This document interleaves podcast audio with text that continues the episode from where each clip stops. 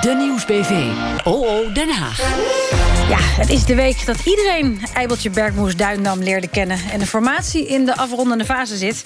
Kortom, genoeg te bespreken met onze hoogstijgen analisten. Politiek redacteur van Pauw en vastgelopen Morf... volgens de Volkskrant Peter K. En Francisco Viola, hoofdredacteur van opinie- en debatsite joop.nl. Goed, uh, Peter. Ja, het begint een beetje te lijken op die formatie van het kabinet... dat maar niet op het bordes verscheen of durfde klimmen.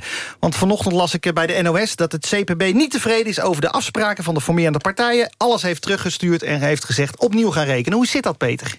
Ja, in Den Haag doen ze dat een kanaar van de NOS. Uh, en dat is ook daadwerkelijk een foutje. Het Centraal Planbureau heeft die plannen uh, vorige vrijdag uh, geretourneerd. In de, bedoel, die hebben ernaar gekeken, naar die plannen. En die, de geheel volgens het, het, het proces wat ons al werd geschetst vooraf... waren daar wat aanmerkingen op. Uh, moeten er wat dingen bijgesteld worden?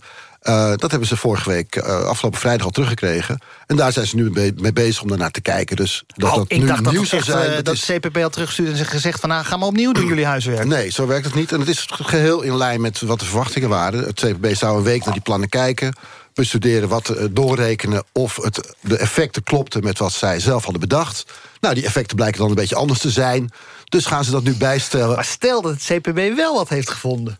Oh nee, die hebben ongetwijfeld dingen gevonden die niet kloppen. Want ze zijn nu aan het praten over opnieuw financieel aan het doorrekenen... aan het bijstellen, dus aan het sleutelen eraan. En al met al blijft de verwachting dat, dat eind volgende week... dus zo donderdag, vrijdag, dat er dan een regeerakkoord kan zijn. Dat wil niet zeggen dat er dan een nieuwe ploeg op het bordes staat. Mm. Want daar gaat nog de nodige tijd in zitten binnenkort. Maar dat Want daar hebben ze nog niet over nagedacht. Nou, ze zijn ongetwijfeld aan het nadenken over wie daar moet komen, komen te staan. Maar dat regeerakkoord wordt dus zo, zo nou, donderdag, vrijdag of zo... zo'n ja. beetje verwacht. En sommigen zeggen, nou, misschien nog wel een weekend meer nodig. Dan zit je kort voor het reces en dan kan formateur Rutte... Eerst gaat Salmo naar de Kamer om uh, verantwoording te leggen over dit akkoord. Mm. En dan kan, wordt formateur Rutte aangewezen. Die moet dan de popjes op de goede plek zetten. De ministeries nog gaan verdelen. En daar zijn ze nu natuurlijk ook al mee bezig. Ja, dat is wel een en dat gedaan, schijnt toch? ook best wel een puzzeltje te worden. Want het is ook niet voor de hand liggend uh, hoe de verdeling precies ligt. Met vier partijen. Met vier partijen, met een halve Zijlstra... die maar één droom heeft en dat is sociale zaken doen.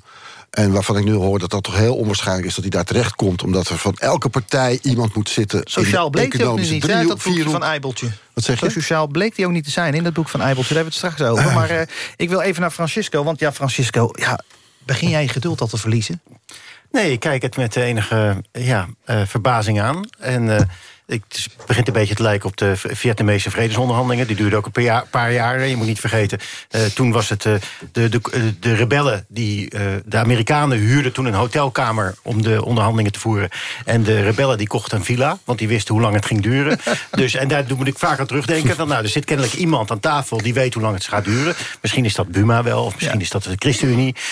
maar het is wel een beetje kras op blazoen van Rutte... want die kennen wij toch als de man die problemen oplost... die dat snel doet, fixt. Jongens, niet moeilijk doen, niet ingewikkeld. We komen er samen wel uit. Pechtold heeft ook dat imago. Ja, en hier zitten ze toch al heel lang te onderhandelen... over een kabinet waarvan je je kan afvragen... wordt dat uiteindelijk wel zo'n goed kabinet? Ja, maar goed, jij denkt dat er ook een soort van strategie achter zit, hè? Nou, ik denk dat, het, dat ze het niet erg vinden. Ja, het is wel een beetje blamage natuurlijk. Maar je moet niet vergeten, in maart zijn de uh, gemeenteraadsverkiezingen. En die hebben als bijzonder karakter... gemeenteraadsverkiezingen zijn altijd een beetje landelijke verkiezingen. Maar je zou kunnen zeggen, dit is... Ja, na de merkwaardige uitslag die we hebben gehad bij de laatste verkiezingen... is dit een, een, de herkansing. Nou, dus er zijn een aantal partijen die dan uh, terug moeten komen. Uh, en het is dan wel handig als dat kabinet er dan nog niet te lang, niet te lang zit, lijkt mij. Want als dat al... Dan geeft meer kans aan de PvdA om dan een goede, goede comeback te maken. Ik zie hem niet helemaal, die strategie van je, maar... Nou ja, omdat je je kan herinneren dat uh, toen het uh, vorige kabinet aantrad... al vrij kort na het aantreden uh, er een grote volksopstand... Ja, een week daarna ongeveer. uitbrak, onder leiding van de Telegraaf. Ja. Nou, je weet niet Over wat de er zorg. nu te komen. Ja. Ja. Je weet niet wat er nu aan zit te komen. Dus Jij gelooft het niet, Peter? Nee, ik bedoel, ze willen natuurlijk zo snel mogelijk eruit zijn... maar dat is, het is allemaal zo ingewikkeld met vier partijen... en het is... Iedereen zit zijn eigen belangen daar te behartigen. Uh, dat, uh, ja, weet je, men wil wel snel, maar ze kunnen gewoon niet sneller. Ja. En, ja, we hadden het net over de poppetjes. Je zegt dat wordt, uh, dat wordt lastig, dat wordt het puzzelen. Maar er zijn toch al namen die genoemd worden. We hebben natuurlijk al Halbe Zijlstra gehad op sociale zaken. Heb je nog meer namen? Ja, nou, Hennis die wil toch wel heel graag het kabinet weer terug in Schijnt zelf buitenlandse zaken te ambiëren... maar het gaat nog steeds ook wel het verhaal... dat ze wel terugkomt op defensie. Um, en dat is ook interessant om te kijken welke positie zij krijgt. Omdat dat ook, bedoel, zij is ook potentieel opvolger van Mark Rutte. Hè? Ik bedoel, ze kan ook partijleider worden van de VVD. Dus Klaas Dijkhoff is dat toch? Ja, er zijn twee kandidaten voor. Dat is, maar dat is ook Hennis. Oh. En, en Dijkhoff is dat ook, inderdaad. Ja. ja. Goed. Maar die zal de fractieleider worden. Over de VVD gesproken. Uh, we moeten het natuurlijk ook hebben over het boek... dat uh, de ruiten ingooide van de VVD. Het boek uh, van Eibeltje Berkmoes Duindam. dat ging over ja, de cultuur binnen de VVD-fractie. Ook over de, de macht van de persvoorlichters. Hoe is er gereageerd binnen de VVD, Peter? Nou, met lichte ontzetting, want ze hadden geen idee dat dit boek eraan, boek eraan zat te komen. Dus op, uh, op maandag stond het in de Telegraaf. En toen deed uh, iedereen enorm zijn best om, een drukproef van het boek te bemachtigen. Uh, want ze waren reus benieuwd wat zij allemaal te vertellen had. En het schokkende is dat er ook wel heel veel feitelijke juistheden in staan. Geen feitelijke onjuistheden, maar echt... ze vertelt wel heel erg de waarheid over hoe dat gaat binnen die fractie. Is niemand die zegt, het zijn leugentjes, het is onzin... Er zitten een paar bijlagen bij die, die interessant zijn... omdat er eh, wordt verteld wat de communicatiestrategie is van de VVD. Dat wordt helemaal uh, uitgevent. Er zijn bijlagen uh, waarin wordt verteld hoe ze denken over de MH17... hoe ze in werkelijkheid denken over het Wildersproces. Um, ja, dat zijn interessante uh, ja, openingen die er opeens worden geboden... En ja, dit is voor de politieke liefhebber wel een verplicht boekje om dit te lezen. Hoe binnen de VVD-fractie wordt gewerkt... en hoe de hiërarchie er is, hoe streng men daar is in uh, wat mhm. Kamerleden mogen. Uh, zeer interessant. Maar was er dan ook paniek uh, afgelopen maandag? was jij op het Binnenhof en heb je even rondgeneust? Nee, ik was heel druk bezig om een gesprek met haar voor te bereiden... dat we met haar voerden in, in Pauw. ik, dus ik was niet op het Binnenhof, maar gisteren wel. Nou ja, er wordt... Ja, men is enorm geschrokken hiervan. Maar tegelijkertijd denkt men ook van... Nou, binnenkort presenteren we ons kabinet... en dan was het een rimpeltje in de vijver... dan praat niemand meer over het boek. Maar dat geloof ik niet helemaal. Want, want het essentiële punt uit dit boek is eigenlijk een punt dat wat meer door Den Haag. Uh, wat een probleem wordt, wordt, gezien in Den Haag, die kadaverdiscipline. Kamerleden zitten daar uh, eigenlijk als applaus, vee. Dat was al zo overigens in de tijd van Lubbers, toen het CDA het voor het zeggen had. Het is mm. heel erg gekopieerd van het CDA. De machtspartij dirigeert uh, de Kamerleden een bepaalde richting in. Ze mogen zelf nou eens een opvatting naar buiten brengen. Um, we zullen dat binnenkort ook zien dat er, dat er een boek verschijnt over de PvdA in deze periode. Ah ja? Ja, ehm, een, een, ook onbekend Kamerlid, Roelof van Laar, is nu... Uh, ik heb de druk, drukproef vandaag binnengekregen.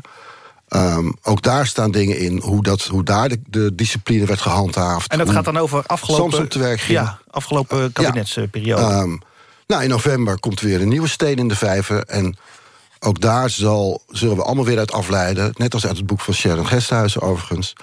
Uh, Kamerleden hebben eigenlijk niets te zeggen. Kamerleden moeten klappen moeten stemmen, hun handje op het goede moment omhoog steken. Maar, het verhaal, het verhaal wordt natuurlijk wel een beetje steeds. Het is, het is toch wel even wat anders dan Peter nu vertelt. Want het gaat niet over al die andere partijen. Dan kan hij wel zeggen, ja, daar gaat het dan over, over de SP. Het gaat natuurlijk ook weer over de PvdA. Want het gaat fucking altijd over de PvdA. Want daar hebben ze weer eens een interne ruzie. Die liggen allemaal op straat.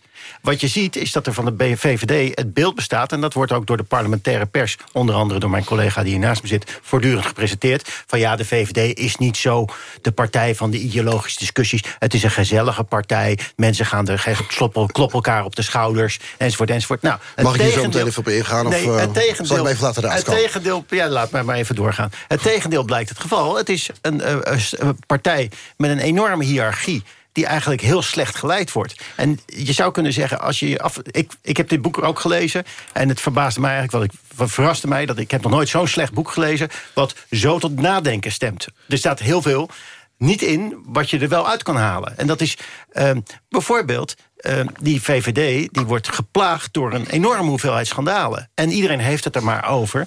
Van ja, hoe kan dat toch dat dat blijft gebeuren? Dat, dat, nou, dat heeft te maken met die manier van leiding geven. Met onderdruk. Ja, met onderdrukken, met mensen niks. En wat mij verbaast is dat... Uh, dit is natuurlijk niet iets... Dat is, uh, Peter zegt dat er al sinds Lubbers aan de gang...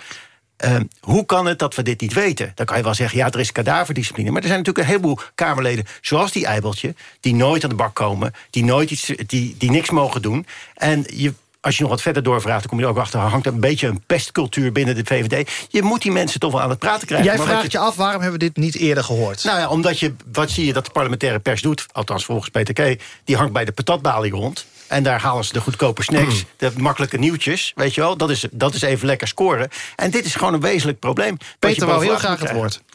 Ja, ik, ben jij journalist eigenlijk, Francisco? Vertel noem jij verder, zelf, Peter. Noem jij jezelf journalist of niet? Vertel verder.